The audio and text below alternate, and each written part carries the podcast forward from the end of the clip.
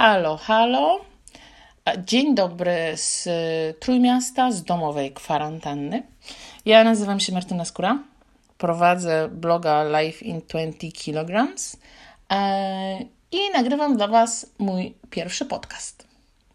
Zastanawiałam się długo, co w tym pierwszym podcaście powinnam e, ująć i o czym Wam opowiedzieć.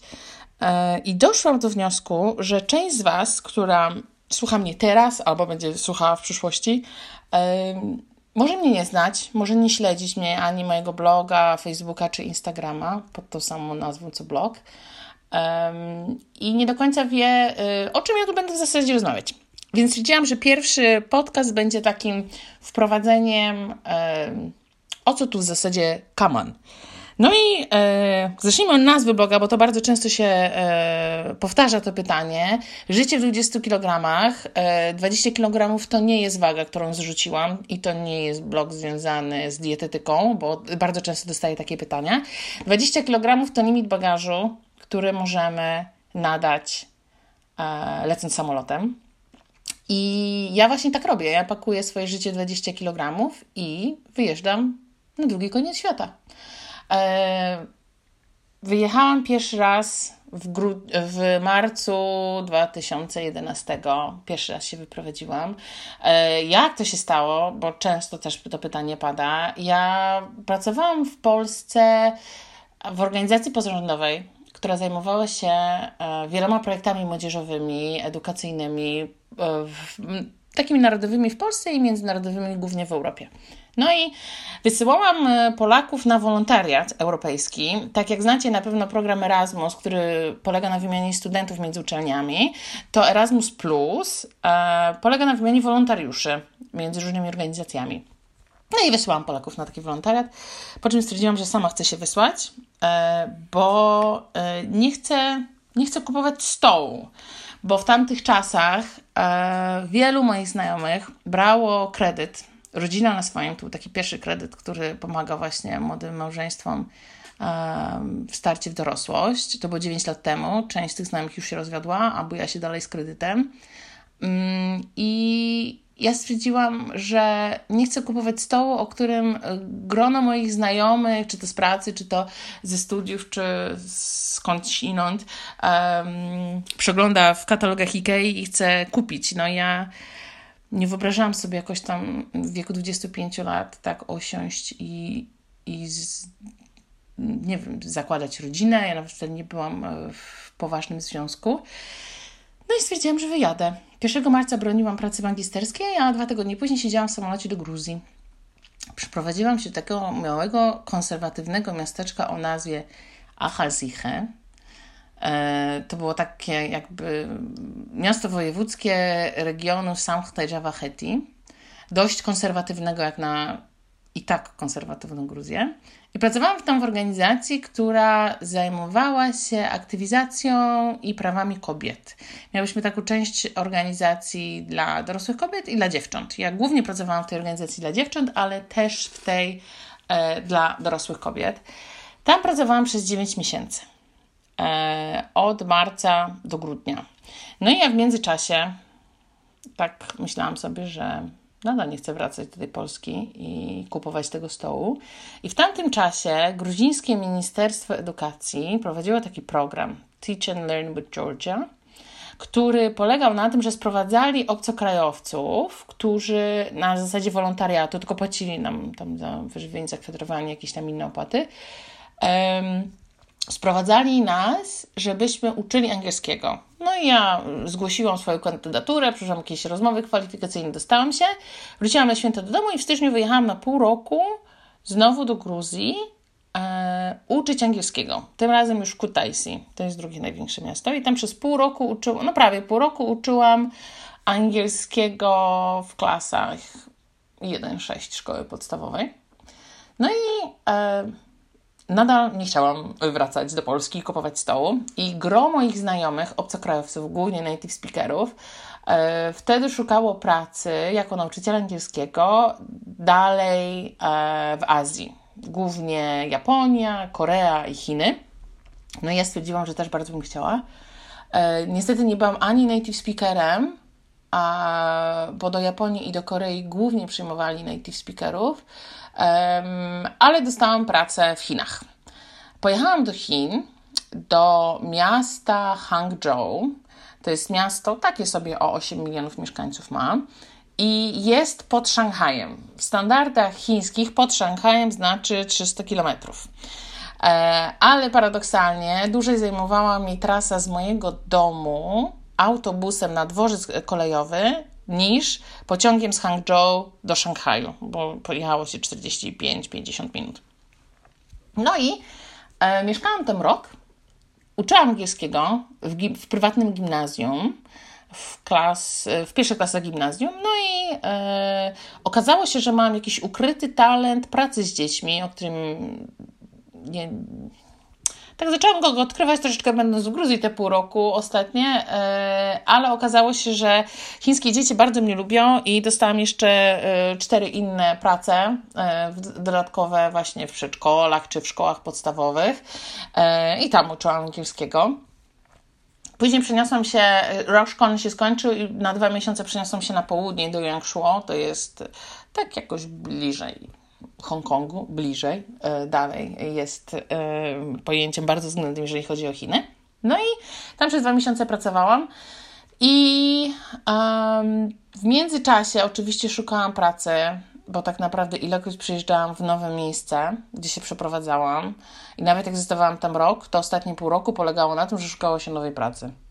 Więc ja już w Chinach y, dość wcześnie zaczęłam szukać nowej pracy i nawet dostałam jedną bardzo fajną w Tanzanii, ale okazało się, że kontrakty pokrywają się, uwaga, uwaga, dwa dni z kontraktem chińskim, a, wtedy, a w Chinach zerwanie kontraktu było tak absurdalne, to tam na to wchodziło oczywiście jakiś tam honor, utrata twarzy, zerwanie kontraktu nawet o dwa dni było absurdalne finansowo y, bo nie dostałabym pensji za miesiąc, premii e, semestralnej plus biletu powrotnego e, do, do domu.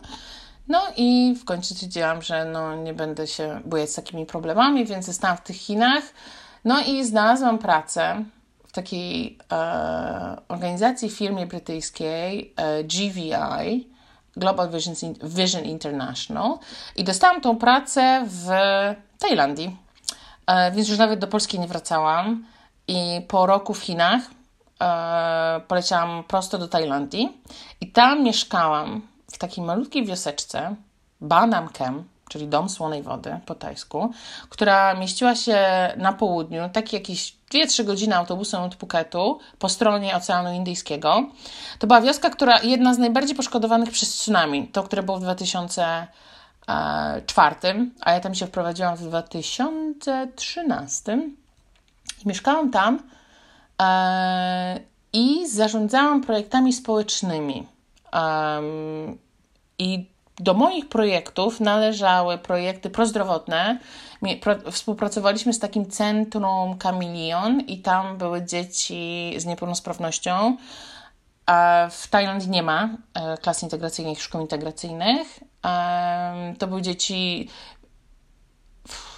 Większość miała niepełnosprawność fizyczną i e, umysłową i prowadziliśmy dla nich zajęcia mm, takie ogólnoterapeutyczne z, związane ze sztuką, z muzyką, ze sportem. Były oczywiście tam te e, tajki, terapeutki, które nam pomagały, plus myśmy mieli naszych swoich specjalistów. E, poza tym prowadziliśmy zajęcia w domu dziecka, które, który powstał po tsunami, bo wiele dzieci straciło wtedy swoich rodziców lub jednego z rodzica i trafił do domu dziecka, więc tam prowadziliśmy różne zajęcia prozdrowotne, edukacyjne i sportowe głównie. Um, przez krótki czas pracowaliśmy z uchodźcami z Birmy. E, to się nazywa Grupa Rohingya. E, według e, ONZ-u, przynajmniej przez jakiś czas, teraz już nie wiem, to była najbardziej um, najbardziej tak jakby poszkodowana grupa społeczna, grupa etniczna na świecie. To byli muzułmanie wygonieni z Birmy. Oni etnicznie pokrywali się z ludnością Bangladeszu, ale mieszkali na terenie buddyjskiej Birmy.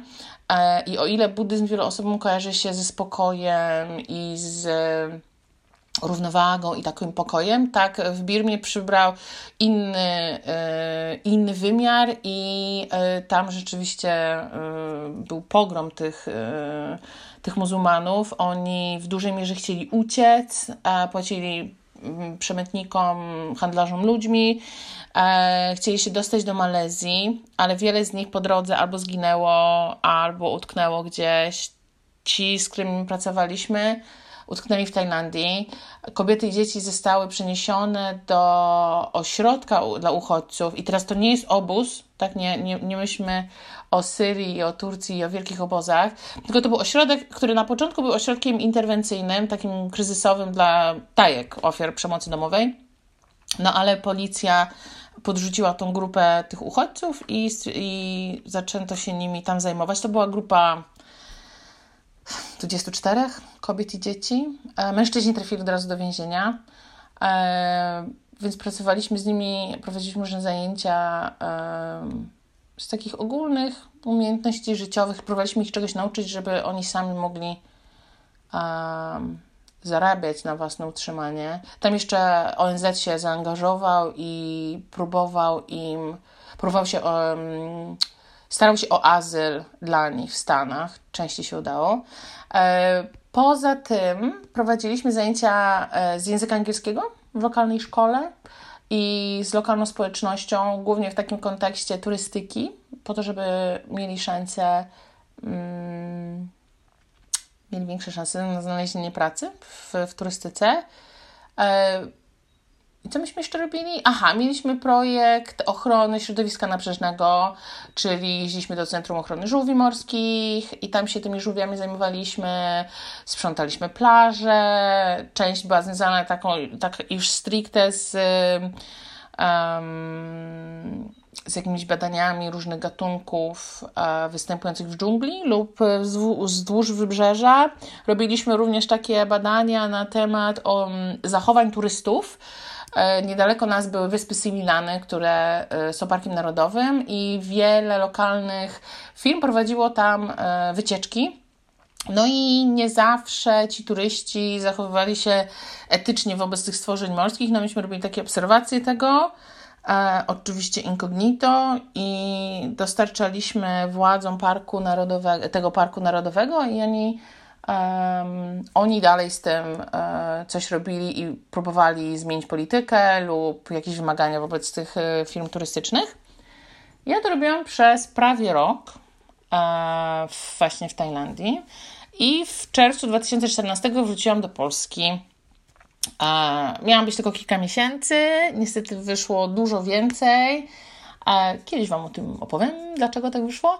E, w międzyczasie w marcu 2015 w sześć osób pojechaliśmy na African Road Trip. E, przez miesiąc jechaliśmy od Maroka przez Saharę Zachodnią, Maurytanię, Senegal i Gambię. W sumie miesiąc nam podróż zajęła. Dwa tygodnie nam zajęła podróż i dwa tygodnie jeszcze zostaliśmy na miejscu. Mm, po czym pojechałam, wróciłam do Polski, później znowu pojechałam do Tajlandii jako kadra obozowa na obozach młodzieżowych, na amerykańskiej młodzieży właśnie w Tajlandii. To były takie y, projekty bardzo kulturowe. Oni poznawali tajską kulturę. Po czym wróciłam, Aha, bo nie wspomniałam jeszcze, jak mieszkałam w Tajlandii, zaczęłam nurkować, a to jest dość istotne, bo ja teraz jestem instruktorką nurkowania i to nurkowanie rzeczywiście ze mną zostało. No i e, po tej drugiej Tajlandii w 2015 pojechałam do Egiptu na 6 tygodni robić kurs dive masterski, czyli pierwszy taki profesjonalny, po którym można pracować. Chciałam tam zostać, ale państwo islamskie, ISIS, e, przeprowadziło zamach e, na rosyjski samolot, E, poduszyło bombę, samolot wybuchł, zginęli wszyscy turyści, zamknięto lotnisko w Sharm el Sheikh, e, zamknięto kurorty, centra nurkowe i w ogóle nie było turystyki, więc nie było pracy, więc nie było po co tam zostawać. Wróciłam do Polski i od nowego roku, bo tam byłam jesienią, wrzesień, październik, listopad, jakoś tak. I wróciłam wróciłam do Polski, spędziłam zimę w Polsce i na wiosnę pojechałam jako pilot, przewodnik, organizator e, grup do Azji Południowo-Wschodniej i jeździłam z grupami po Tajlandii, Kambodży, Malezji i Bali. To robiłam na wiosnę. Na lato pojechałam znowu na te obozy młodzieżowe dla amerykańskiej młodzieży, tym razem do Tanzanii. Tam pracowałam przez dwa miesiące. Później przez tydzień wchodziłam na Kilimandżaro, później przez tydzień byłam na Zanzibarze odpocząć i nurkować. Później znowu wróciłam do Polski i znowu na jesień, chyba w październiku wyjechałam do Azji Południowo-Wschodniej, znowu z grupami. Wróciłam z Bali, wróciłam w styczniu, miałam tydzień, żeby się przepakować znowu całe życie 20 kg. I w styczniu 2017, bo już jesteśmy w tym roku, pojechałam do Meksyku. Przeprowadziłam się do Meksyku. Dostałam się na staż instruktorski. Przez 4 miesiące przygotowałam się do kursu i egzaminów instruktorskich. E, po czym je zdałam. Zostałam w Meksyku, dalej pracowałam jako instruktorka nurkowania niedaleko Cancun, w Playa del Carmen i później na wyspie Cozumel. W sumie w Meksyku spędziłam prawie półtora roku. Wróciłam do Polski na chwilę w maju 2018. Po czym przeniosłam się na Fidżi. E, lot na Fidżi zajął 22,5 godziny. Nie, 22,5 godziny to był lot z Londynu do Sydney, a później 4,5 godziny trzeba było lecieć na Fidżi. Na Fidżi też byłam na tych obozach dla amerykańskiej młodzieży, tylko te już były związane stricte z ochroną rafy koralowej. I właśnie E, zajmowaliśmy się ochroną rafy koralowej i ochroną e, środowiska nabrzeżnego. I miałam zostać na tym Fidżi w sumie rok. E, I miałam pierwszą pracę dogadaną, kontrakt podpisany, druga praca była dogadana, kontrakt niepodpisany. No i w międzyczasie warunki tego drugiego kontraktu zaczęły się zmieniać, zmieniać, zmieniać, że w końcu były nie do zaakceptowania w tamtej mojej sytuacji życiowej. No i musiałam czegoś nowego szukać, więc szybko sobie znalazłam pracę na Malediwach jako instruktorka nurkowania. Więc w sierpniu 2018 przeniosłam się na Malediwy, żeby mieszkać na wyspie Konota. Wyspa miała 300 na 400 metrów, można było ją obejść 15 minut. E, na Malediwach jedna wyspa to jeden hotel, więc mój hotel był pięciogwiazdkowy. Ja w tym hotelu oczywiście nie mieszkałam, w sensie w willach dla gości, tylko w strefie dla mieszkańców, co jest um, zupełnie innym rodzajem i stylem życia niż goście na Malediwach. E, pamiętam, że jeden z gości hotelowych powiedział, e, no taka wyspa na na dwa to raj, a na dłużej to więzienie i nikt z pracowników nie zaprzeczył. E, kiedyś Wam opowiem o tym, jak się żyje na Maldiwach. I kontrakt skończyłam w sierpniu 2019. Później przez dwa miesiące jeździłam po Azji, Tajlandia, Wyspy Andamańskie w Indiach i później znowu Malediwy. Szkoliłam się jako instruktorka, doszkalałam się i szkoliłam innych. Po czym wróciłam do Polski jesienią, październik, 13 października, dokładnie na wybory e, parlamentarne w 2019. Mam marzec 2020 i nadal jestem w Polsce. To jest bardzo długi okres dla mnie. E, w maju, połowie maja, mam jechać na St. Martin, na Karaiby, ale jesteśmy w trakcie kwarantanny.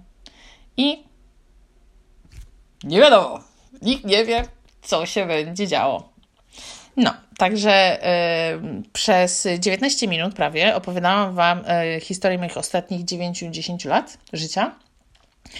I y, o tym będę Wam opowiadać. O różnych aspektach e, podróży, ale też życia za granicą, bo podróż, a życie gdzieś tam e, w krajach zwanych rajem jest zupełnie inne. Ja mam tutaj całą listę pomysłów i tematów, o których chciałabym z Wami rozmawiać, ale y, jak na y, pierwszy podcast, to chyba na razie skończę, y, co by Was tam nie absorbować za bardzo w te bardzo pracowite dni kwarantanny. Także dzięki, że tutaj ze mną jesteście. Pozdrawiam z Trójmiasta z kwarantanny domowej. No, to tyle. Wpadajcie do mnie na bloga albo na Instagram Life in 20 kilograms.